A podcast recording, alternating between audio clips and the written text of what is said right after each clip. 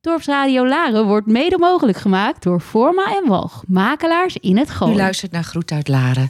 Het programma over Laren met nieuwtjes, actualiteiten, weetjes en historie. Vanmiddag weer heel veel gasten. Onder andere onze eigen burgemeester komt in de studio. Hij is inmiddels al twee jaar onze burgervader. En hij vertelt onder meer over zijn ervaringen met Laren. Ook de criminaliteit in Laren komt aan bod. En het kunstwerk aan het Hertenkamp, Laren van Weleer, wordt nader toegelicht door kunstenaar Hans van Deuren. Hij zit hier al klaar in de studio. Hij heeft hier een heel project mee en ook uh, in samenwerking met alle basisscholen in Laren. Nou, raadslid en fractievoorzitter van het CDA in Laren, Erwin van den Berg, die denkt out of his box over sociale woningbouw. En hij verklapt ook al iets over Sinterklaas. En ook uh, dorps, dorpshistoricus Web de Boer... die vertelt iets over het inlopen van schoenen voor een ander. Nou, in de studio presentatrice Joke Kok. Tessa Markenstein is hier, onze stagiaire op de redactie. Ze heeft ook wat nieuws verzameld. En als tussendoor ergens een uh, mannenstem hoort, is dat Jan-Willem Bosboom, onze geluidstechnicus. Nou, het is weer gezellig druk hier in de studio. Het kleine studiootje hier in de Brink. Blijf op de hoogte van wat er speelt in Laren. Blijven luisteren dus. Stay tuned. Eerst wat, uh, wat ander kort nieuws. Het bevolkingsonderzoek rondom borstkanker start weer in Laren vanaf 20 oktober. Bij het sportcentrum De Biesem zult u weer het mobiele onderzoekscentrum zien staan. Vrouwen die in de doelgroep vallen, dat is tussen de 50 en de 75 jaar, die ontvangen een uitnodiging voor het onderzoek. Nou, borstkanker is een van de meest voorkomende vormen van kanker in Nederland. En door de ziekte in een vroeg stadium op te sporen, wordt de kans op genezing aanzienlijk groter. Per jaar sterven er ruim 3000 vrouwen en overigens ook een aantal mannen aan borstkanker. En door het bevolkingsonderzoek overlijden er elk jaar ongeveer 850 vrouwen minder. Het onderzoek bestaat uit het maken van röntgenfoto's. Het is vrijwillig en gratis. Nou, normaal gesproken krijgen de vrouwen uh, elke twee jaar een uitnodiging. En voorlopig is dit niet mogelijk door een tekort aan personeel. Maar ook door het coronavirus is de vertraging in het uitnodigen nog groter geworden. Daarom de periode tussen twee uitnodigingen tijdelijk verlengd naar maximaal drie jaar. Het later uitnodigen zal nog enkele jaren duren. En als de COVID-19-maatregelen voorbij zijn en er voldoende nieuwe medewerkers zijn opgeleid, dan is de uitnodiging weer iedere twee jaar, volgens de stichting Bevolkingsonderzoek Middenwest. En let op, elke dinsdagmiddag is er nu voor alle inwoners van Laren die hulp kunnen gebruiken bij het invullen van formulieren of hulp bij administratie, een formuliereninloop hier in het Brinkhuis. Er zijn dan vrijwilligers van de uh, Humanitas uh, sorry, aanwezig om u te helpen met het invullen maar ook krijgt u hulp bij het aanvragen van toeslagen of bij een lastige brief. En soms kan het rust geven als iemand even meekijkt met een brief of een ingewikkeld formulier. Er zijn geen kosten aan verbonden en de formuliereninloop is elke dinsdag van 2 tot 4 uur. En tijdens de herfstvakantie, dat is volgende week, is er op donderdag 21 oktober geen inspreekloopuur van het Sociaal Wijkteam in het Brinkhuis. Het inloopspreekuur is de week daarna weer te bezoeken, iedere donderdag tussen 1 en 2. En morgen, 15 oktober, tussen 11 en half 12, gaat Anita Witsier hier in de bibliotheek peuters voorlezen. En zij is ambassadeur van de stichting Lezen en Schrijven. We hadden hier eigenlijk uh, de politiechef verwacht, maar ik hoop dat hij volgende week komt, Joke. Hè? Die is uh, door ja, drukke werkzaamheden verhinderd? Nou, er was een operationele noodzaak en ze heeft me beloofd het volgende week nog een keer te proberen. Dus we schuiven haar een beetje door. Prima. Nou, ik kan wel wat ander politienieuws. Namelijk, er is deze week een 34-jarige man aangehouden. Die mogelijk betrokken is geweest bij de dood van de vrouw. die vorige week donderdagavond is gevonden bij Hotel de Witte Bergen. Het slachtoffer is een vrouw uit Heerlen. En die is al enige tijd was zij vermist. En de politie heeft nog vragen. En, hij is nog, en ze zijn nog op zoek naar extra informatie en getuigen die iets gehoord of gezien hebben. Of misschien beschikken over camerabeelden. Misschien uh, denkt u aan u, heeft u een dashcam. Nou, was u nou op 7 oktober, dat was vorige week donderdag, in de buurt van het hotel langs de A1? Heeft u iets gezien of misschien iets gehoord over dit incident? De politie doet uitdrukkelijk een oproep aan iedereen om, uh, om hen te bellen. Dit kan overigens ook anoniem. En wist u dat het deze week, van 11 tot 17 oktober, de week van de veiligheid is? Alle gemeenten uit de regio Gooi en Vechtstreek die doen mee aan de landelijke inleveractie van steekwapens. Nou, ik zie je ook hier kijken. Zijn die er dan in Laren? Vraagt u zich misschien Ja, nu af. Volgens mij wel.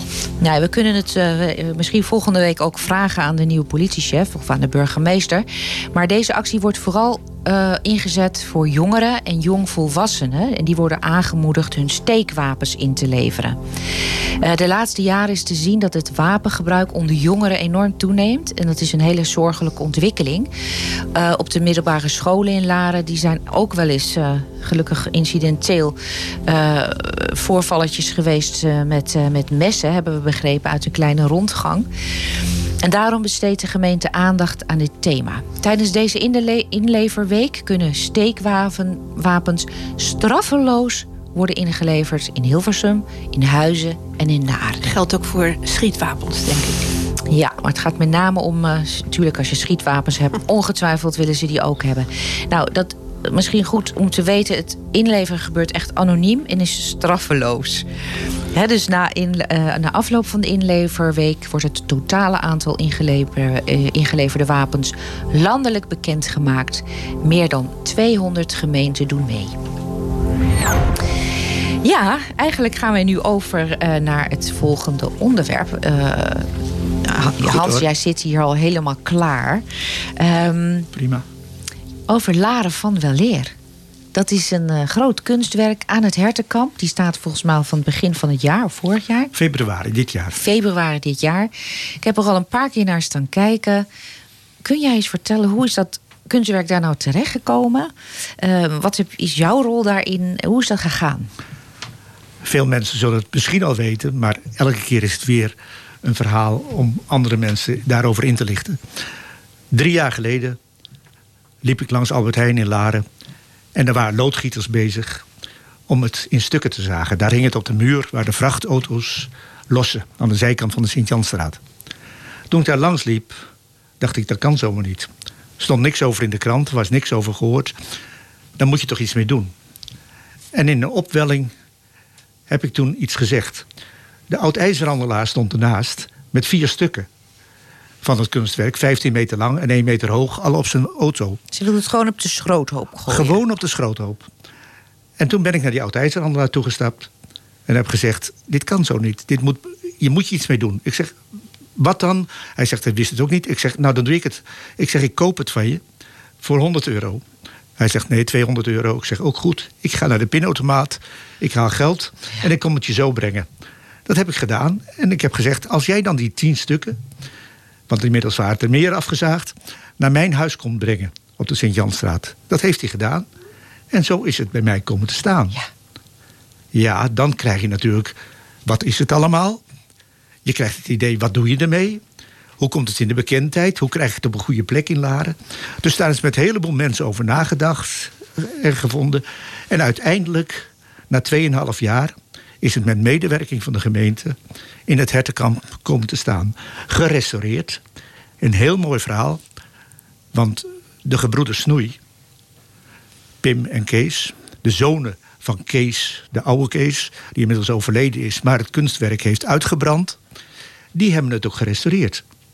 Voor niks, voor hun eigen doen, hebben ze meegeholpen. Ze hebben wel iets vergoed gekregen, maar ze hebben het voor heel. De gemeente heeft meegeholpen. En uiteindelijk hebben zij het ook aan elkaar gezet en geplaatst in het hertenkamp. Oké, dus ik begrijp dat Kees Snoei dit ooit gemaakt heeft. Ambachtelijk gemaakt. Dus hij heeft het niet getekend. Getekend heeft Jacques de Wit. Ja. Maar Jacques de Wit is een kunstenaar uit Hilversum. Maar Kees Snoei heeft het gebrand. En wat, wat was zijn aanvankelijke bedoeling ermee? De bedoeling was niet van Kees. De bedoeling was niet van eh, Jacques de Wit. De bedoeling is denk ik geweest van Albert Heijn vastgoed. Om iets op de muur aan die zijkant te zetten ter verfraaiing van het, de uitbouw van Albert Heijn toen. Oké. Oké, dat is in de jaren 70, iets voor 1970, is dat gebeurd. Eigenlijk hebben de zonen een eerbetoon aan hun vader gedaan, hè, Ja. deze. Ze hebben het hem nog zien maken. Hè? Met een pentograaf hebben ze het hem zien vergroten. Want je moet al die tekeningen zien die gehaald waren uit prenten van Ja, kun je iets vertellen Wat over is- die tekeningen? Hoeveel tekeningen zijn het? En wat Het is zijn een in- pentograaf? Het zijn inmiddels. Een pentograaf is een eh, vergrotingsapparaat met de hand. Dat is nog niet met de computer, maar dat schuif je uit. Eh, dat schuif je uit. Maar en wat is de afbeeldingen? De afbeeldingen zijn er inmiddels zijn er zeker 13 of meer. Want hoe groot is het kunstwerk? 15 meter lang Zo, ja. en een meter hoog. Ja. En het zijn afbeeldingen die allemaal met laren te maken hebben. Ja. Ik kan het kort zeggen. Het is de molen links. Het is het boerenleven wat daarna komt. Het is het dansen van de jongeren als ze gemolken hebben. Het is de bijenkorf. Het is de, eh, de pomp. Het is de... eh, het is Hamdorf, eh, wa- wat erop staat. Het is het feesten bij de kermis. Het is het schildersleven van Laren. Het is Singer, het toneel. Alles staat er van links van naar rechts op. Ja. Tot aan vandaag toe, Ja. eigenlijk. Hè? En het leuke is dat het niet alleen van weleer is... maar dat het ook van nu is. Vertel eens. Als je een kunstwerk van zoiets vindt... waar je eigenlijk over kan vertellen. Moet vertellen. Hè? Eigenlijk zou ik er elke dag naast moeten zitten... om de mensen die er langs lopen daarover te vertellen. Dan pas dan gaat het leven. En dat merk je ook vaak. Maar wat we ook gedaan hebben, wat ik ook gedacht heb... hoe kan je iets laten leven? Iets laten leven doe je door het, niet, door het ook de toekomst erbij te betrekken. En de toekomst zijn de scholen. Ja. Zijn de jongeren hier op school in Laren. Dus als ik die kan bereiken om daar ook iets mee te doen. En toen dacht ik nog iets. Als je nou het verleden met de toekomst, dat zijn de scholen. Verleden is kunstwerk. Laat ik me even zeggen, met het heden kan verbinden. Nou, het heden, dat zijn de kunstenaars van nu en de kunstenmakers van nu die in Laren leven. Iedereen die creatief is. Hoe kunnen die nou meehelpen om zo'n ding levendig te houden? En dat niet alleen, maar hoe kan je op de scholen daarmee de kunstzinnige en de creatieve en de culturele vorming blijven bevorderen? Want in de tijd van de computers en alles en nog wat, is dat toch vaak een ondergeschoven kind. Een handarbeidlokaal is er niet meer. Een tekenlokaal is er niet meer. Muziekdocenten worden ingehuurd. Eh, dus hoe kan je dat blijven doen? Nou, daar zit zoveel creativiteit in Laren. Waarvoor kunnen die mensen niet, op vrijwillige basis grotendeels, blijven meewerken? En dat hebben we proberen te doen. En dat heb ik opgezet, uiteindelijk. Je hebt een stichting opgezet. Ja. Kids. Kids, Dat met twee voor. K's. Ja. Met dubbel. Dus kunstenaars en kinderen in de school. Juist. Kunstenaars en kinderen in de Dat dekt de hele lading. En daar zijn ze nu op dit moment heel actief op de scholen mee bezig. Alle basisscholen in Laren. Alle basisscholen doen mee. En met heel verschillende kunstenaars. En met heel verschillende kindergroepen. Van klein, groep 3, tot groep 6, 7. En allemaal zijn ze met die eerste prent nu bezig, hè? Dit hele jaar, schooljaar. Nee, niet het hele schooljaar. Ze zijn bezig in de maanden van nu. De maanden september, oktober. En het wordt afgesloten met een kleine tentoonstelling hier in het Brinkhuis in november. In de eerste drie weken van november. Dat moeten we onthouden. Maar een korte tijd, maar dan kan je het hier beneden goed zien. En dat gaat wel over die molen, dat klopt wel, hè? Het gaat over, omdat de mode het eerste deel is, Ja. proberen we elk jaar één van die delen van het kunstwerk als leidmotief te nemen voor de kunstenaars. Waar ze zelf mee kunnen doen wat ze willen. Hè? Heel Want breed mogen een het molen, zien. Een molen mag je ook zien, eh, je loopt met molentjes. Of eh, een molensteen om je nek. Of eh, Wind. de wind. Ja, of de energie. Of het geluid. Misschien wel het, licht, eh, het lied van... eh, daarbij, die molen. Het, Ja. alles, al- alles kan je op een Kijk, dan gegeven gaat moment Joke ook nemen. glunderen als ze dat hoort. Ja, dan Dat kunnen we toch met, mooie dan kunnen we- muziek. dan kunnen we met z'n allen zingen. Ja, niet alleen dat, maar ik vind het geweldig bedacht Ja, eigenlijk. echt heel leuk. Want, want Hans, je bent kunstenaar. En ik ben ook onderwijsman. Dus in die zin heb je Ah. dingen verbonden. Je hebt het gecombineerd. Oké. Ja, Ik ben in Laren hier 60 jaar geleden in het onderwijs begonnen. Hier vlakbij. In dit gebouw zat mijn woonde mijn directrice. Dus eh, ik ben hier geweest om nog Zwarte Piet te sminken. En van al, al, de Warrekamp trouwens. Wat toen later ontstond. Daar zat ik in het comité om dat op te richten. De eerste buurtwerker heb ik mee aangesteld. Maar, dus dit gebouw komt me heel bekend voor. Maar ook het, al steeds dat verbinden van dingen Dat heb ik vaak geprobeerd. En met creativiteit en met kunst. Ja, fantastisch. En dat lukt nu ook. Hè? Ja. En het is zo mooi dat die kinderen op school zo leuk en zo blij zijn daarmee. Want ze genieten ervan. Vorige week heeft er een artikel gestaan in de Gooi Neemlander. Eh, wat een heel goed artikel was. Wat juist over die kinderen en de kunstenaars ging. Niet eens een keer over de stichting enzovoorts en over mij. Maar over eh, wat, wat daar gedaan wordt. Nou, dat was ontzettend leuk. Kin- kinderen op elk niveau genieten. Maar niet alleen de kinderen, ook de kunstenaars. Ja. Want die kunstenaars gaat ook een nieuw leven veroveren. Want je krijgt daardoor weer op een andere manier inspiratie en iets terug. Ja, mooi. En dat durven ze soms niet. Ik probeer ze daarbij te helpen in het begin. En ik loop al die dingen ook af. En ik probeer te stimuleren. En ook met de steun natuurlijk van de docent op de school. Want dat is vaak soms heel erg, heel erg belangrijk. Die heeft namelijk de onderwijsmanagementkwaliteiten. En een kunstenaar soms niet. Maar de kunstenaar heeft wel ideeën. Ja. En de kinderen vinden het leuk. Ik mag iets met een kunstenaar doen, hè? Zijn het allemaal Larense kunstenaars? Ja. Heeft u eh, die zelf aangeschreven? We schrijven niks. We proberen alles via praten te doen. Ja. Eh, we- nee, we schrijven natuurlijk wel wat. Maar de directe contacten zijn het belangrijkst. Ja. En het, hoe kan je iemand inspireren op dezelfde manier als ik nu doe? Ik vertel dat aan mensen. En dat zijn soms leuke dingen. Want ik, zo liep ik een keer op de, op de Tafelberg weg. Liep ik naar, mijn- naar mijn huis toe. Ik liep zo rond van Laren af heen en weer. Kom ik een man tegen die ik helemaal niet ken. En die begint een praatje met mij. Ik vertel dit allemaal. En hij is zo enthousiast. Ik ben natuurlijk enthousiast, hij ook. En ik ken hem niet. En hij zegt, op een gegeven moment kost dat geld.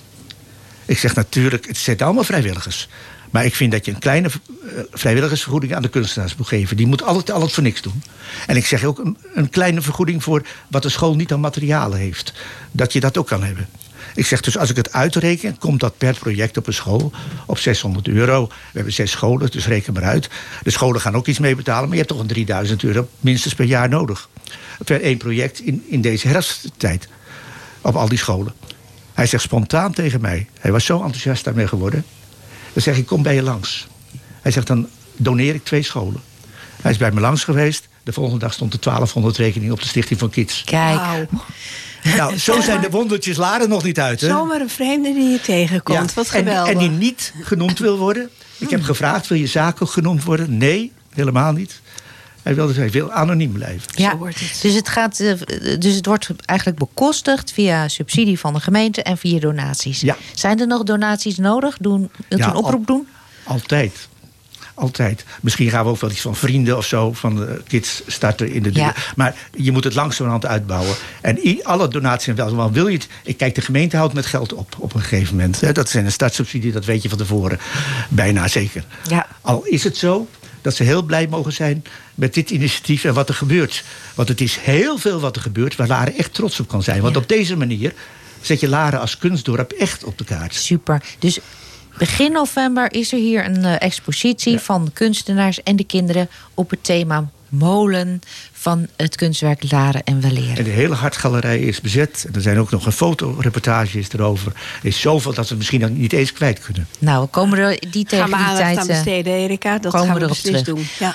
Hans, heel hartelijk dank. Eh, ik zie het enthousiasme, die straalt het echt uit. Ja, jij Eh, vroeg aan mij, hoe lang heb je tijd nodig? Ik zei een half uur, maar goed, dat was het niet. En de vorige keer was het maar één minuut. Maar dit is in elk geval alvast Ja, meer. dit is komt gewoon steeds terug. Hans. Dank je wel. Hartelijk dank voor En je je komst naar de voor- studio. Tot de volgende keer. Merci. Tot de volgende keer.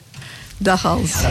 We gaan even nog eh, naar wat politieke nieuwtjes. Het presidium, dat is het dagelijks bestuur van de gemeenteraad... die heeft besloten dat er weer publiek is toegestaan... bij de vergaderingen van de raad en de commissies. Kijk, we mogen weer. Jij mag weer, Joke. mag weer. Ja, wel blijft de anderhalve Eindelijk. meter afstandsregeling gelden.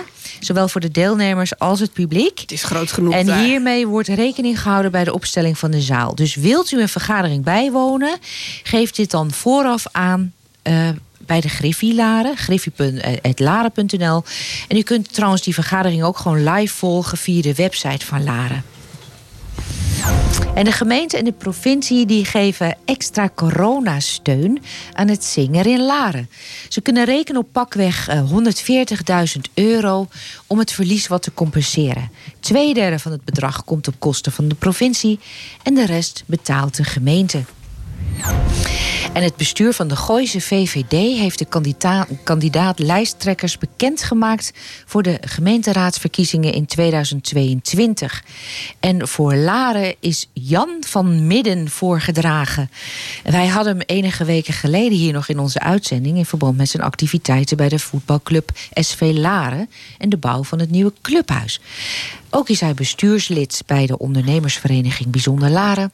En hij heeft rond de tien jaar in het bestuur van de lokale VVD gezeten. En we gaan over naar het volgende onderwerp. Het politieke onderwerp. Politieke kwartiertje aangeschoven is Erwin van den Berg, raadslid voor het CDA. Welkom Erwin. Dankjewel Joke. Het is misschien nog wat vroeg, maar heb jij nieuws over Sinterklaas? Ja, wij gaan in Laren een Sinterklaasintocht houden. Nou, eindelijk weer. Niet uh, uh, met een ontvangst op het bordes van de Prinsenmarij, want dat Ach. is een, uh, een verblijfsmoment. En dan zouden we met een corona-check-app moeten gaan werken. Nou, dat, vinden we niet, dat vinden we niet uit te voeren. Maar we gaan, wat denk ik misschien wel net zo leuk is, met Sinterklaas en de burgemeester een grote rondrit door het hele dorp maken. En ook de diverse wijken daaromheen. Te paard. Te paard. De burgemeester ja. ook, te paard. Nee, de burgemeester mag in een koets. Maar uh, Sinterklaas heeft zijn schimmel inmiddels laten verschepen naar, uh, naar uh, een boerderij hier in de omgeving. en nee, dus wij gaan op zaterdag 20 november omstreeks um, uh, twee uur um, uh, zal de intocht van Sinterklaas in Laren zijn. Uh, Wat geweldig. Kinderen, horen jullie dit allemaal? Of ouders die luisteren? Vertel het je kinderen. Maar we gaan het in ieder geval nog wel breed aankondigen natuurlijk via het Laren Journaal. En we zullen ook, um, Erika, naar jou toe zorgen dat het in ieder geval ook nog via de dorpsradio en een echt weer een mooi Larens moment wordt. Nou, we kunnen niet wachten. Het is twee jaar geleden toch, hè? Twee keer niet? Uh, nee, klopt. Ja. Uh, ik had het met de burgemeester over. Ja. In, hij was net burgemeester, dus ja, hij klopt. heeft eigenlijk één feest meegemaakt. En toen was het corona. Krijgen we wel nog pepernoten of wordt dat ook speciaal verpakt? Nee, dat is inderdaad. Nou, je snijdt weer iets aan. eigenlijk zou dat dan allemaal in zakjes moeten. Dus daar gaan we nog een oplossing voor verzinnen. Want dat is weer niet te doen, omdat we niet precies weten hoeveel kinderen er overal langs de route Elke pepernoot verpakt in papier. Ik denk dat we gewoon pepernoten zo nu en dan strooien. Maar goed, dat moet nog ingevuld worden. Maar het belangrijkste is dat we kunnen zeggen dat het. dat is ook pas van de week bekend geworden. Of althans intern. Nou, eigenlijk weet nog niemand het. Dus het is een primeur. Dat uh, Sinterklaas er toch komt. Ik vind het heel leuk. Ik vind het echt heel erg leuk dat hij er weer is. Jij ook, Tessa? Ja, zeker. Dan heb ik nog een heel ander onderwerp, een wat vervelender onderwerp. Er zijn wat frustraties over het bestuur van de regio dat verantwoordelijk is voor de GAD. Diverse gemeenteraden in de regio hebben bezwaar gemaakt tegen een aantal maatregelen die de GAD voor ogen staat. En een daarvan is het ophalen van oud papier, de zogenaamde blauwe bak. Wat is er aan de hand, Erwin? Ja, uh, heel kort. Uh, de GAD, de gewestelijke afvalstoffendienst, waar alle gemeentes uh, dat verzameld hebben. en dan heb ik het maar specifiek over papier. Die hebben bedacht dat ze het papier zelf willen gaan ophalen. Nou, in Laren doet dat onder andere onze drum en show met de MCC. zelf loop ik ook mee achter de vuilniswagen. Echt? Ja, ja. En ja, wij raken daar gewoon, of wij zeg ik dan, maar in ieder geval de MCC raakt daarmee gewoon 12.000, 13.000 euro opbrengst per jaar kwijt. En uh, in de hele gooi uh, is dat bij elkaar opgeteld, meen ik, iets van 250.000 euro. Waar allemaal dus vrijwillig voor gewerkt wordt. Uh, dus dat is niet een klein beetje frustrerend. Dat is gewoon eigenlijk belachelijk. en ook in Laren vinden we dat. Maar ik geloof dat we wat beter moeten aanhaken bij Hilversum en Gooise Meren. Om daar nog eens even goed over op, op de, de trom te slaan. Want eigenlijk vind ik gewoon dat de gemeente hiervoor zou moeten gaan staan dat dit gewoon niet kan. En ik snap heus dat de GHD moet bezuinigen en kosten probeert te besparen. Maar als ik je vertel dat we onlangs op een avond dat een chauffeur het was vergeten en dan nog om half negen komt en dat dan tot half elf door vrijwilligers papier wordt opgehaald. Dan hebben we genoeg inzet. Dus daar ligt het niet aan dat het niet goed gebeurt. Het gaat zomer, winter, vakantie. Elke keer altijd door. Iedere maand. En ik vind eigenlijk dat daar gewoon... eh, dat dat door moet blijven kunnen gaan. Maar het, het is een bezuinigingsmaatregel van de GHD. Hoe kunnen ze nou bezuinigen door iets wat gratis door vrijwilligers nu wordt gedaan, om het dan zelf te doen?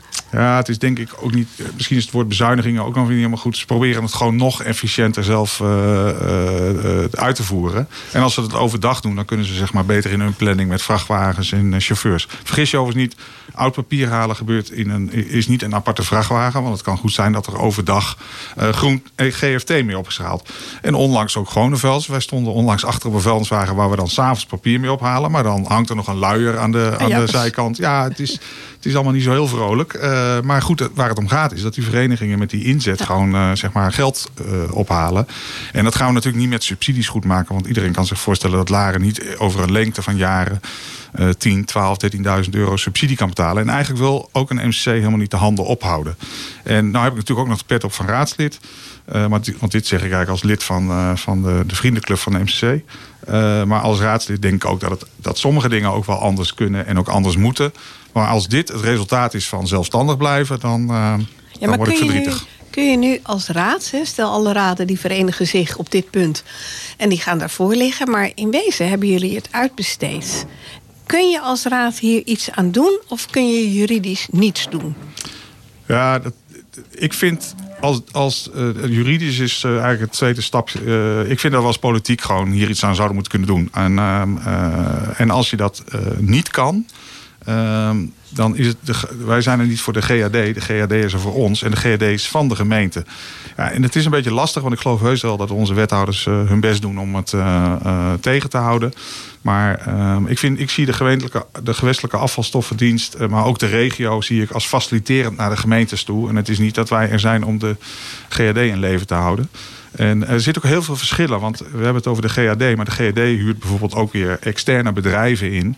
Um, hier in uh, Laren rijden er ook wagens van, uh, van, uh, van Hilhorst. Nou, dat, dat bedrijf dat wordt gewoon ingehuurd, ook met die chauffeurs.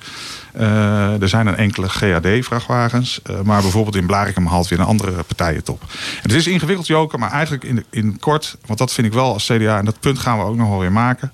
Het zal allemaal heus zo zijn dat het allemaal moeilijk is en ingewikkeld en niet kan. Maar ik vind eigenlijk dat de politiek zich moet uitspreken dat we dit niet willen. Dit is eigenlijk iets van het kindje met het badwater weggooien. Heb je hier de hele raad mee? Nee, denk ik niet. Nee, nee ik, denk dat de partij, ik denk dat er partijen zijn die uiteindelijk zullen zeggen: van ja, we vinden het allemaal heel sympathiek, maar uh, we, zien, we laten dit aan het college. Dat is eigenlijk al gezegd, hè, want alles wat ik nu zeg is eigenlijk allemaal maanden geleden al ingebracht. Uh, maar of, misschien dat we op het randje af net een meerderheid krijgen die zeggen van we gaan toch uh, het college nog eens een keer extra verzoeken om net als Hilversum en Gooise Meren wat steviger erin te gaan zitten. En anders krijgen we MCC die gaat demonstreren voor het raadhuis? Ja, die zijn wel in overleg bezig met andere drum- en showbands uit de omgeving die ook papier oh, halen. Maar in principe is het gewoon per 1 januari al klaar. Uh, dus er is ook niet zo heel veel tijd meer. Nou, ik wens jullie succes. Laatste onderwerp van vandaag. Uh, het is hier al vaker aan bod gekomen. Uh, het is een hot item in de komende verkiezingsperiode. De sociale woningbouw in Laren. Uh, woonvoorzieningen voor mensen met geen miljoenen inkomens. En jij zei tegen mij van... nou, ik heb daar nog wel wat over te zeggen. Want ja. het CDA denkt wat meer out of the box misschien dan andere partijen. En ik heb daar nog wel ideeën over. Hoe zit het CDA hierin? Ja, los om de hele uh, uh, problematiek van betaalbare woningen uh, op te lossen, dat zal niet lukken. Maar wat ik wel belangrijk vind, is dat ook de gemeente Laren meedoet in het nieuwe plan van Krailo. En daar worden weliswaar op ander grondgebied van andere gemeentes worden wel degelijk betaalbare woningen ook gebouwd. Dus dat, dat, daar zijn we ook sterk voor geweest. Ook om dat bestemmingsplan uh, uh, zijn we maar ook positief als CDA meegegaan. Maar waar, waar, je denk ik op doelde was nog van uh, wat recentelijk in de krant stond, de erfgooieswoningen. Nou, de woningbouwstichting... Ja, niet alleen dat, hè? ook ja. de woningen tegenover het gemeentehuis. Of ja, nou, die zal ik dan zo meteen nog verhandelen. Überhaupt, van welke grond hebben we nog? Nou ja, in principe en wat hebben we kun geen je als? In principe hebben we geen bouwgrond meer. Uh, en dat is, maar dat een, meer een insteek die ook denk ik in de verkiezingen moet bovenkomen. Kijk, wat er gebeurt is als de Rabobank wordt verkocht of als Tergooi wordt verkocht, maar dat is dan Blaricum. Uh, als uh, Golden River wordt verkocht, ja, dan komen de partijen bij de gemeente en die zeggen wat kunnen we daar doen? En dan ja, is het toch liberaal eh, ingestoken dat dan eh, gekeken wordt naar een, uh, een winstmaximalisatie. En ik denk als CDA dat je op dat moment zegt van je koopt een restaurant of je koopt een bankgebouw. wij willen iets anders en niet alleen maar dure woningen. Dat is een achterhaald verhaal, want dat kun je nu niet meer goed maken. maar dat mag er niet toe leiden wat er dan vervolgens lijkt, leek te gebeuren, want ik, ik hoor er niks meer van. Dat we vervolgens dan een van onze laatste groene bosjes in het dorp aan moeten slopen om daar dan zes appartementjes bij iemand in de achtertuin te bouwen. Ik zeg het ook bewust zo. Dus die zes betaalbare woningen eh, tegenover het gemeentehuis, eh, die zie ik niet zitten. Uh, dat kan ook op hele andere plekken. En dan denk ik nog aan de scheper. De scheper is van de gemeente. Uh, de daar, school, de, de school, de scheper, ja, de oude basisschool. Ja? door omstandigheden is het protestants christelijk onderwijs verdwenen uit Laren. Nou, dat zij dan zo inmiddels. maar de scheper zou nog prima locatie kunnen zijn. we hebben onlangs natuurlijk gehoord, de, het, er gaan nog wat gedachten rondom het gemeentehuis. Uh, dat zou verkocht moeten worden. Nou, uh, ik denk dat die discussie over onze laatste grondposities in de, in de komende verkiezingen maar eens goed uitgemolken moet worden. En dan zullen we zien, uh, Joke, wie, ja, wie er gaat winnen. Het is ingewikkeld, maar ik heb er ook laatst met makelaars over gesproken. Er zijn echt wel manieren om ook voor uh, betaalbare woningen te bouwen. Al was het maar om allerlei voorwaarden en regels te stellen. Geef eens één voorbeeld. Even kort. Een heel simpel voorbeeld is gewoon dat, uh, dat als je een bouwplan ontwikkelt, uh, dat je vereist aan de voorkant dat in een eerste half jaar of drie kwart jaar uh, tegen een betaalbare prijs iemand uit Laren kan inschrijven voor een koopwoning. Daarbij een andere betaalbare koopwoning achterlaat of een huurwoning achterlaat. En dan zullen altijd weer mensen zeggen dat dat niet kan. Maar als je goed alles afstemt, kan het wel degelijk. En in huis is het inmiddels ook gebeurd, uh, Joke. Er zijn gewoon voorbeelden van. Maar wij blijven een beetje hangen in dat het allemaal niet kan. Oké, nou, ik ben heel benieuwd hoe dit uh, verder in de verkiezingen gaat. We komen er ongetwijfeld komen we er ook in deze uitzending weer op terug. Erwin, dank je wel. Ja. En, uh, het volgende onderwerp uh, doet heel goed aan. Het volgende onderwerp zit al te wachten. Onze burgemeester die, die staat daar. En nee, we gaan eerst naar Marcel van Rijn. Oh, we gaan eerst maar naar Marcel terwijl we wisselen, heb ik nog even een oproep aan alle luisteraars. Eh, de winter komt eraan. En dan zijn er winterjassen en laarzen nodig voor de vluchtelingen op Lesbos.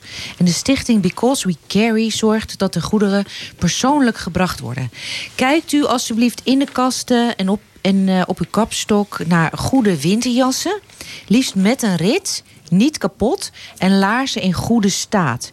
U kunt deze afgeven bij Ineke op de Beverlaan 6a op zaterdag tussen 2 en 5 of lever het af aan Mary Ann Brooks.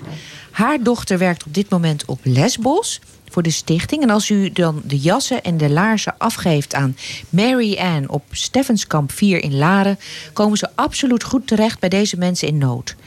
Voor meer informatie Google Because We Carry, ik herhaal, Beverlaan 6a of Steffenskamp 4 in Laren. En ondertussen zie ik hier allemaal biertjes voorbij komen. ik heb er best wel zin in. Ze zijn dicht. Maar uh, welkom. Uh, nu niet, hè, want het is Marcel. 9, 9 procent. Marcel van ja, Rijn is hoi. aangeschoven. Marcel is in zijn vrije tijd bierbrouwer. En hij stond pontificaal in de Bol An vorige week. Want hij heeft een biertje bedacht en dat heeft hij Bol An genoemd. Eigenlijk vond ik Gooise Moordenaar ook wel erg ja, leuk. leuk. Meneer Van Rijn, vertel. Marcel, Mar Marcel, vertel. Het biertje is de zogenaamde quadruppel. Ik zie het er al met een alcoholpercentage van 9%. Wat is een quadruppel? Een quadruppel dat is een eh, bier wat eigenlijk ook uh, op de gist, op de fles na wordt gegist, zeg maar. En daarom zit er ook onder in de fles zit wat droes, noemen ze dat. En je kan het, mee, je kan het uitschenken. Het is heel gezond, er zit eh, veel vitamine B in. Maar het, als je het uitschenkt, dan wordt je biertje een beetje troebel. En, maar het is een, je kan het best uh, drinken hoor. Maar het is lekkerder als je het nog een paar maanden laat liggen?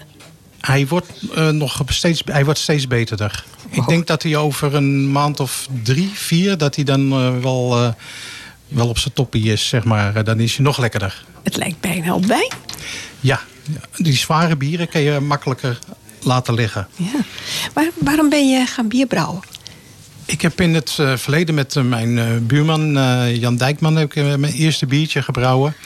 En afgelopen, nou ja, de laatste twee jaar doe ik het samen met een collega van me, Arjan Keers. En die woont in Almere, die heeft een schuur en er zit een hele brouwinstallatie wow. zit erin. En afgelopen februari ehm, dacht ik, weet je wat, ik ga een Larens biertje maken. Echt met Larense ingrediënten. En zijn alle ingrediënten nu van Larens bodem? Of nee, komt dat nee, straks? Nee, dat, dat wil ik nog een keer gaan doen. Want eh, zeg maar het, het mout, zeg maar, dat, eh, het gres, zeg maar, dat eh, zou ik hier bij de, bij de sol moeten gaan halen. Maar om het te gaan eh, mouten, dan moet je het verhitten. En als het uitloopt, dat, die graankorrels, dan moet je het weer gaan afkoelen, moet je stoppen. En dat is heel secuur werk. En dat- ja, dat is kleinschalig eigenlijk niet te doen. Dat doen ze in hele grote eh verhittingsovens, zeg maar. Maar, Maar de, de mout zelf, want hier op de Eng Ja, zag ik dus ook ja. al een bord dat ze samenwerken voor Larens Blond, geloof ik. Dat is een ander Larens biertje. En is dat nou hetzelfde proces? Kun je daarin aanhaken? Of zeg je Nou, van nou, dat moet weer apart? dat moet weer apart. Want ik doe Oh het heel kleinschalig. Zeg maar, ik ben echt een hobbybrouwer. En ehm wordt het, eh, de Gooise bierbrouwerij ja, die is commercieel bezig. Ja. Dus dat is een beetje lastig. Maar ik heb dus Laans bronwater eh, gebruikt. Ik Je heb, hebt zelf een put geslagen, hè? las nou ja, ik, maar, hoort het, dat heeft een eh, oud collega, Pieter Richter, heeft dat eh, gedaan. Die zit op 7 meter diep. En het water heb ik natuurlijk laten testen. Want je moet geen, eh, ja, het moet wel goed zijn natuurlijk. Ja. En, eh, alleen dat, de hardheid was iets te hoog. Maar ja, dat komt hier uit de kraan, is ook de, het water te hard. Ja. En eh, ik heb de Larense heidehoning, heb ik gekocht bij de molen, heb ik erin gedaan. En dat is, eh, ja, die ingrediënt, eh, die zit er echt als, als Larense ingrediënt in, zeg maar. Is eigenlijk een echt Laans biertje. Wil je de ingrediënten verklappen? Of is dat Ja hoor, nee, staat, Wat zit er allemaal in? staat erop. Ja. Hey, het is best wel een pittig biertje ook. Ja. 9 procent. 9 procent, ja. En hij gist nog... Eigenlijk zou die nog meer kunnen worden op de fles, zeg maar. Hij zou misschien hooguit 1 procent meer kunnen, kunnen worden... door het nagisten op de fles. Als Waarom dit nou- heet die Bollan? Oh, sorry, Joke. ja. Maar Bollan. Wat, wat betekent dat eigenlijk? Bollan, eh, dat is eh, dialect, eh, Laans dialect voor rustig aan. Ook, ook dit biertje moet je rustig aan drinken. En in februari dacht ik, ik ga dat biertje brouwen maar met die naam Bollan. Maar omdat Leo, die heeft die, eh, de site. Ik zeg, dus ik ben naar Leo gegaan. Ik zeg, Column in kan de ik- krant. Ja, ik zeg, kan ik dat, die naam gebruiken? Want ja, eh, want, eh, dat hij ook niet straks denkt van, hé, wat, eh, wat is dit? Dus hij zegt, ja, hartstikke leuk, dan maken we er een leuk eh, stukje van. Dus eh, zodoende. Maar het is echt een biertje om rustig aan te drinken. Komt het nou straks ook bij de slijter te liggen? Of Nee, is het, nee. maak je er een, een, een tiental per jaar en dat is het dan? Ja, ik, ik mag het eigenlijk niet verkopen, omdat ik dan moet je Ja, eigen. jammer. Ja, jammer hè? Want dan moet je eigen laten inschrijven bij de Belastingdienst voor accijns af te dragen. Oh nee. En het is niet gebrouwen volgens de eh ware wet, voedsel- en warenwet. Want het is gewoon een hobbymatig. En gewoon een brouwerij die doet dat. Die gaat ook die, eh, alles pasteureren. Maar dan kan je geen bezinksel meer op je, of geen nagisting op je fles krijgen. Hoe doen ze dat bij Larens Blond dan? Is dat echt een commercieel proces ja, dat is een geworden? commercieel proces. Want dat ligt wel bij ja, de slijter. Ja, dat ligt wel. Dat is ook Ja. commercieel. Ik mag als Ook hele dure biertjes, hè? Ja, maar wel lekker. Dus je geeft deze alleen maar weg. Ja, ik geef ze Je mag ze niet verkopen. Nee. Dus deze geef jij weg. Of mogen we er alleen Ja. naar kijken? Nee, zo je naar mag- het mooie etiket. En... ik heb er nog eentje hoor. Die, die- ik heb hier nog eentje, is een ander soort biertje. Een triple, die heb ik, uh, Malababbe, die heb ik ook uh, gebrouwen. Papa. Ja. hoeveel, hoeveel soorten heb je al gebrouwen? Ik heb uh, vier soorten gebrouwen. Wow. Een triple, een dubbel en een, uh, een Laars blond dan. Oké. Okay. Ik, ik kom nog een keer bij terug, Marcel. Ik vind dit een Ja. geweldig onderwerp. We kunnen nog heel lang over praten. Maar eh, de burgemeester staat hier in de startblokken. En uh, om zes uur is het programma ja. afgelopen. dus dank, nee, voor je komst naar de, leuk, dank voor je komst naar de studio en voor het biertje. Ja, is goed. Ik heb een geniet bierkenner ervan. thuis. Dus, Oké, okay, geniet ervan. Uh, dank je wel. Dank je wel. Dag. En uh, in Laren is men ook op zoek naar vrijwilligers. Misschien uh, kunnen we daar dan ook uh, dit bier zien. En de Winter Village Laren die zoekt ook dit jaar weer gezellige en enthousiaste vrijwilligers voor bij de ijsbaan op de Brink. Hopelijk gaat het dit jaar wel door, Winter Village. En Winter Village wil er zelf een onvergetelijke en succesvolle winter van maken. Maar er zijn nog mensen nodig voor het afrekenen bij de kassa, voor bij de verhuur van de schaatsen. Maar ook zoeken ze toezichtshouders, dat, uh, dat, dat iedereen handschoenen draagt en zich op het ijs uh, gedraagt. En EHBO'ers. Dus voor meer informatie kun je je aanmelden of uh, kijken op de site vrijwilligers.wintervillagelaren.nl. En als vrijwilliger bij Wintervillage word je in ieder geval in de watten gelegd. Zo kun je gratis schaatsen buiten de werktijden om. Misschien iets voor jou, Tessa. Hartstikke leuk. Buiten de werktijden om, dat is s'nachts ongeveer. Of s morgens zes Nee, uur ze, of zo. ze werken in, in shifts. Ah. hey, welkom. Dank u. Burgemeester, u zit. Ja, U heerlijk. bent er eindelijk. We hebben u de vorige keer gemist. Dat is echt heel lang geleden. Voor de zomer. Volgens mij de laatste uitzending voor de zomer. Toen was u hier. Ja, het klopt. En toen eh, ben ik op zomervakantie gegaan. En ik ben gisteren teruggekomen. nee hoor, ik ben alweer eh, heel lang terug. Welkom. Nou, twee jaar inmiddels burgervader Ja, ja, van Laren. ja. En als Het is u nou- voorbij gevlogen. Ja, toch wel? Ja. Wat, eh, wat kunt u erover vertellen? Hoe is het allemaal gegaan? Hoe, heeft u het ervaren? Ehm, ik denk dat er waanzinnig veel gebeurd is in die twee jaar. Eh, we hebben natuurlijk eh, corona gehad. ehm, wat heel veel heeft gevraagd eh, van het dorp. Maar waar we volgens mij over het algemeen heel goed doorheen zijn gekomen. Er zijn ook meerdere dingen gebeurd. Maar ik heb vooral met de inwoners heel veel leuke dingen mogen meemaken. En ik denk mijn belangrijkste les over Laren is het. mensen die van buiten naar het gooien kijken of van buiten naar Laren kijken. Die denken vaak dat dit eh, vooral een dorp is van eh, grote auto's en, eh, en botox. En mensen die erg goed voor zichzelf kunnen opkomen. En die denken dat de gemeente vooral heel veel last heeft van mensen met advocaten en bezwaarschriften. Nou, en ik zal u vertellen, overal waar ik kom, vertel ik dat Laren echt een dorp is waar mensen voor elkaar klaarstaan. En dat als je als gemeentebestuur een opgave hebt, dat de inwoners klaarstaan om je daarbij ook te helpen. En dan heb ik ook een hele mo- mooie voorbeelden. Kijk bijvoorbeeld naar de gerestaureerde Johanneskerk. Wat echt dankzij de gulle bijdrage en de enorme inzet van veel vrijwilligers uit Laren tot stand was gekomen. Dat hadden we nooit in ons eentje gekund. Daar ben ik ook heel trots op. Dus dat is iets, als u daarop terugkijkt, zegt u, dat is echt een... Nou, en kijk eens naar jullie hier, naar een dorpsradio. We hebben 11.000 inwoners en gewoon een studio midden op de brink. Waarin we onze inwoners de hele week eh, door op de hoogte houden van het eh, wel en wee eh, uitladen in onze omgeving. Nou, dat doen we toch maar allemaal. Of Ja. jullie doen dat vooral. Nou, daar ben ik heel trots op. Ja, dus dat zijn dingen waar u trots op bent. Wat vindt u lastig? Wat heeft u lastig ervaren afgelopen twee jaar? Nou, wat, ik niet, wat, wat best een uitdaging was, was het thuiszitten in coronatijd. Ik ben een mensenmens. En ik denk dat veel inwoners dat zijn. We wilden er vooral ook op uit. Ehm, ehm, en we hebben in coronatijd moesten we lang thuis zitten. Vooral heel veel en heel lang vergaderen achter een, eh, achter een schermpje. Eh, dat, vond ik, eh, dat vond ik echt een uitdaging. En wat ook wat, cor- wat zich kenmerkte in de coronatijd... is dat we vooral veel vervelende dingen hadden. Regels die opgelegd werden, dingen waar mensen last van hadden... mensen die eenzaam werden, mensen die met verlies in de familie te maken kregen. En op een gegeven moment hadden we alleen maar vervelende berichten... en waren er ook geen lichtpuntjes echt meer. We moesten ze echt organiseren om ervoor te zorgen... dat onze inwoners zich ergens aan konden vastklampen. Nou, dat vond ik best ingewikkeld af en toe. ja. En wat is de verwachting? Het wordt nou weer winter. We krijgen eh, Nou, we zien dat de besmettingen weer een beetje eh, toenemen. En daarom eh, wilde ik ook van dit moment toch gebruik maken. Hè. We hebben natuurlijk veel discussie in de samenleving over eh, eh, welke regels moeten we nou toepassen, wel en niet vaccineren. Hoe gaan we om met de vaccinatiebewijzen? Er zijn ook mensen die naar ons komen en zeggen: Nou, ik vind die vaccinatiebewijzen en al die regelgeving onzin. Er zijn ook mensen die bij ons komen en melding doen van het feit dat er bijvoorbeeld ergens de toezicht of de controle niet heel erg goed is.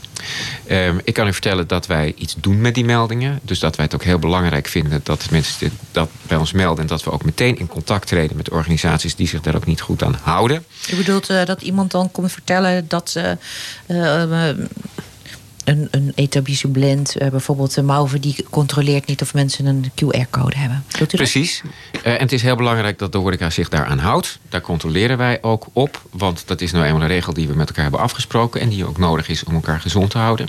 En we zien dat de besmettingen weer stijgen. Corona is niet weg. Het wordt weer koud.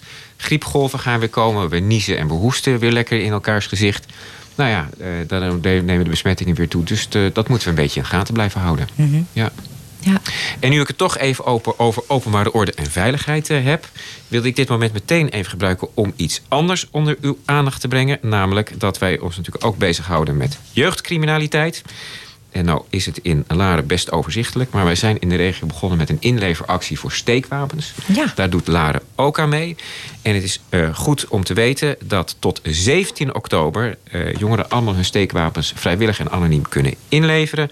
In Hilversum en in Huizen. Daar werkt de politie en daar werkt het gemeentebestuur van Laren ook al aan eh, mee. Dus dat wilde ik ook even vertellen. En de informatie over waar ze dat kunnen doen staat op de website van de gemeente Laren. En we verspreiden dat ook nog digitaal. Oh, mooi, En we hebben het er net al over gehad. Dus Ja. Eh, mooi dat u nog even herhaalt. Zijn er al veel wapens ingeleverd? Ik heb geen idee. Want we Nee. weten natuurlijk niet of, het uit La- of ze uit Laren komen. Nee, dat is zo. Ik kan natuurlijk even de proef op de som nemen en zelf even langs gaan met mijn aardappelschilmesje. Ja. Maar ik, eh, mij verslijten ze niet meer voor een 18-jarige. En, en bijvoorbeeld, eh Joke vroeg ook, mag je ook je revolver of, of, of je schietwapen, inleveren? Nou, ik denk dat ze dat graag Past die, ontvangen. past Joke. die in de kliko? Nou, deze actie is speciaal gericht op eh, steekwapens. Maar als je je pistool kwijt wil joken, Dan zal ik zorgen dat dat in orde komt. Heel goed. En ik heb nog een primeur voor jullie. Want eh, dat hebben we nog niet bekendgemaakt. Ik ga het vanavond ook vertellen in de commissievergadering. Kijk. Maar wij vinden het in Laren niet alleen belangrijk... dat eh, mensen die bijvoorbeeld 60 jaar getrouwd zijn... of 100 jaar worden, dat we die in het zonnetje zetten. We vinden het ook heel belangrijk... dat we de volgende generatie welkom heten. Leuk. En vandaag, vanmiddag, heb ik eh, samen met eh, Guy de Spee... het eerste Larense geboortekaartje gelanceerd. Och, wat enig. En wij gaan als gemeentebestuur alle baby's die geboren worden in, Nederland, of in Laren een geboortekaartje Ja, sturen. de burgemeester die laat nu het kaartje zien. Ja. Ik zie een heel mooi getekend, hele mooie illustratie. U ziet een wiegje met het wapen van Laren erop. En u ziet aap en mol erop. Dat zijn twee hele bekende eh, eh, creaties van Guy Spee. Onze bekende kinderboekenschrijfster. En eh, dit vinden we een hele leuke actie. Maar ook een beetje de volgende generatie het dorp in te slingen. En ook jonge ouders te betrekken bij de gemeente. Dus iedereen, Heel iedere baby, geboren Iedere baby, baby, de krijgt ouders van de baby kaartje. krijgen dit mooie En kaartje. dan hopen we op een verjonging van Laren. Ook, en we hopen dat heel veel jonge en jonge ouders ook eh, mee gaan doen met het dorp. Ja, dus dat is echt wel een mooie Heel primeur. erg leuk, Die, ja. die hebben wij mooi Ja, jullie binnen. zijn de eerste. Ja, leuk. En dan nog even over die criminaliteit. Hè? Want ehm, in, in, tijdens coronatijd werd er minder ingebroken. Klopt. En, eh, en nu inmiddels is iedereen weer aan het werk. De files nemen weer toe. Iedereen is dus gewoon weer naar kantoor. Veel mensen in ieder geval. Of lekker uit eten. Of lekker uit eten. Zien, Of we, op vakantie. zien we de inbraken weer toenemen? Nou, of we echt een trend zien in de inbraken, daar kan ik nog niets over zeggen. Want daar wil ik dan altijd als eerste de gemeenteraad over, eh, over inlichten. Maar we zien wel dat de inbraken toenemen. Ehm, en dat is ook best logisch, want ehm, eh, in corona was dat natuurlijk heel, heel, heel erg laag. En een aantal jaren geleden hadden we echt torenhoge inbraakcijfers. Hè. Nou, dat hebben we heel goed eh, weten terug te dringen. En daar zijn we natuurlijk voor lang nog niet eh, op terug. Maar we zien wel dat mensen weer achterloos worden in het afsluiten van de deur of dicht doen van het raam. Ehm, ehm, dus wij vinden het heel belangrijk dat we onze inwoners erop wijzen. De donkere dagen komen eraan. U gaat op pad, maar de inbrekers gaan ook op pad. Het, het is ook weer de maand van de veiligheid. Let goed op uw hang- en sluitwerk. Let ook goed op uw alarmering. Laat hem controleren. Want uiteindelijk is dat wel de beste manier, preventie, om inbraak te voorkomen. En je aanhanger met duur gereedschappen. Ja. Om, probeer die goed te beveiligen. Want Ja, dat is ook een ook trend op dit moment. eh, hè, om een, dure eh, gereedschappen van eh, tuinmannen en zo eh, te stelen. Ja. ja, er zijn veel, eh, veel eh, bedrijfshallen ook het eh, slachtoffer Ja. van. Maar er is nog iets anders wat we zien. Er zijn namelijk ook inbrekers die geen woninginbraken meer doen. Maar die een toevlucht tot de digitale criminaliteit hebben Oh ja. Ja. En heel veel inwoners van Laren, met name oudere inwoners, zijn daar slachtoffer van. WhatsApp-fraude. ehm, eh, eh, mailtjes met een eh, linkje erin waar je dan op klikt, waardoor je denkt dat je naar je bank gaat. Die wordt op een andere manier opgelicht. Dat, eh, daar zien we een hele forse stijging van. Ik ben voor de regio Gooi Vechtstreek eh, verantwoordelijk voor de aanpak van cybercrime. En we gaan ons ook de komende maanden richten op veel meer voorlichting, met name ook op oudere inwoners, om ze weerbaar te maken. Hoe we hebben ook in het gebied weer een, digi we hebben een digitale wijkagent. Ja. Die ook gaat werken met een uh, inlopen spreker. Het zou eigenlijk Kijk. hartstikke leuk zijn om die hier een keer te Ja, gast te Ja, vragen. Zeker. Ehm, eh, en ook met name in de voorlichting hè, via het La Nationaal onze oudere inwoners eh, goed, eh, goed voorlichten. Ja, het, komt, het is echt schering en inslag op het Ja, moment. heel erg. Ja. Met de WhatsApp-fraude. Ik hoor het ook echt van, van mensen van mijn leeftijd hoor, die erin getrapt zijn. Ja, ja het is heel makkelijk. Hè. Ze nemen zo de. WhatsApp-dialoog van je zoon of dochter Ja. over. Ja. Pa, kun je even 100 euro overmaken? En, eh, je En daar bent blijft het zomaar, vaak niet bij. Ja, nee, zeker. ja. klopt. Ja. Heb ik nog een, een vraagje. Ehm, er kwam vanuit Laren kwam een vraag of het, eh, de gemeente het gemakkelijker en goedkoper kan maken om de BOA's te bereiken. Ja, Het is een probleem. Je kan ze heel slecht bereiken. Je kan het alleen via dure 0800-nummer. Ik loop er zelf ook tegenaan. Dan bel je een heel duur nummer. Hè. Dat, dat kost extra geld. En dan sta je een half uur in de wacht. En dan krijg je iemand eh, in Utrecht. En die zegt van... Oh, oh ja, nou, ik moet u weer even doorverbinden. En er komt vaak niks uit. Ik vind dat eh, 0800-nummer of 0900-nummer... vind ik een waardeloos nummer. En dan kun je 112 bellen, maar dat is ook niet de bedoeling. nee. Is de klacht van een inwoner of van u? Het is een klacht van een inwoner Oh, die ik binnenkreeg, maar het is ook mijn klacht. Ja. Mijn persoonlijke klacht ook. Ik vind het een hele goede. En eh, misschien kan de gemeente Laren een oplossing verzinnen hiervoor. Al is het maar een WhatsApp-nummer wat, eh, wat iemand kan beantwoorden... of een ander normaal eh, betaalbaar telefoonnummer... waarin je je klacht kwijt kunt. Ja. Zo van, ik heb nu iemand en ik, ik heb een invalide auto... en die staat, een andere auto staat daar. Jongens, doe er alsjeblieft wat aan, want ik kan niet komen waar ik moet komen. Geef maar een voorbeeld. Ja. Ik vind het een heel goed, eh, goed thema. Ik zal het meenemen. Zal ik beloven dat ik dan bij jullie met een antwoord eh, terugkom? Fantastisch. Maar ik, vind, ik hecht er wel aan dat dat ook een stukje verwachtingmanagement is. Want mensen die denken dat als ze een fotootje naar een WhatsApp-nummer sturen... Kunnen we, we kunnen nooit de verwachting waarmaken dat er binnen 10 minuten een BOA staat. Tuurlijk niet, maar het is wel, het, je kan het wel gemakkelijker maken. Ja, en we hebben natuurlijk, je kunt al eh, meldingen doen in de openbare ruimte. En dat doe ik ook wel eens een proef op de som. hè. Als ik bijvoorbeeld ergens kom en er ligt. eh, nou, ik weet niet of jullie die Facebook-post nog van mij kennen van het bureau. Wat zomaar op de heide was. eh, Ja. ge-. Nou, dat was binnen een half uur alweer eh, opgehaald. Ja, maar dat is de burgemeester die het meldt. Het scheelt Ook jaar een met vuurwerkoverlast heb ik ook een paar keer gebeld. En om ook te kijken hè, als inwoner. En dat- dat- toen kreeg ik ze ook wel eh, snel te pakken. Dus ik neem hem mee. Graag. Ehm, en laten we, laat ik u beloven dat ik er dan in de volgende uitzending op terugkom. Helemaal Over een, fantastisch. eh, over een, over een, wanneer is dat? Over een maand? Ja, Ja, over vier weken. Ja. Oké, nou. Die staat Heel al graag. gepland. Die dus, staat. Heel goed. En u heeft een fantastische gast na mij, Beb de Boer. ja, klopt. dus die ga ik niet langer in de weg Nee. zitten. hey, heel hartelijk dank, Dank. eh, dat u weer hier heeft willen komen. En voor uw toelichting. Heel graag gedaan. Gaat het goed met jullie verder? Helemaal Uitstekend. Nou, top. goed. Hartelijk bedankt. Nou, naast Wintervillage Laren zoekt ook het streekarchief vrijwilligers. eh, vrijwilligers. Wilt u nou bijdragen aan de kennis eh, over de Larense bevolking uit 1850 tot 1861?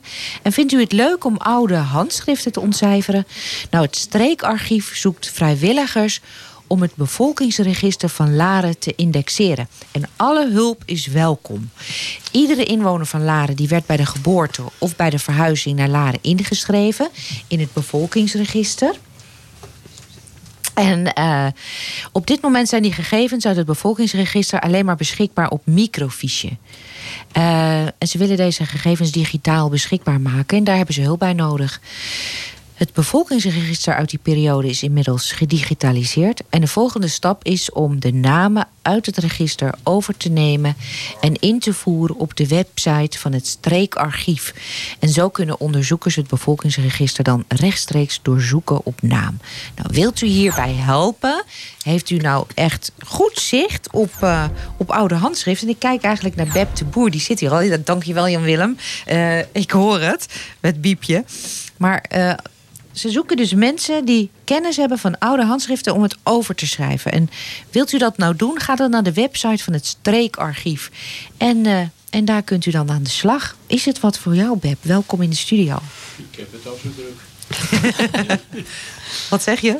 Ik heb het al zo druk. Ja, ja, dat was zo druk. Maar het zou wel echt iets, eh, het zou wel echt iets voor u zijn. Ja, Toch? ja, misschien wel. Maar goed, mocht u zich vervelen, streekarchief. Vast zeker. Jij gaat vandaag iets vertellen over schoenen inlopen van een ander. Ja, ja. Doen ze dat, eh, deden ze dat vroeger hier in Laren dan? Nou, ik wel. Vertel. Werd je ervoor betaald, Beb? Nee hoor, nee hoor. Ik kreeg alleen nieuwe schoenen. Het was in de zomer van 1948. En ik werkte als loopjongen bij het delicatessenhuis aan de Nieuwe Weg bij Van der Marel.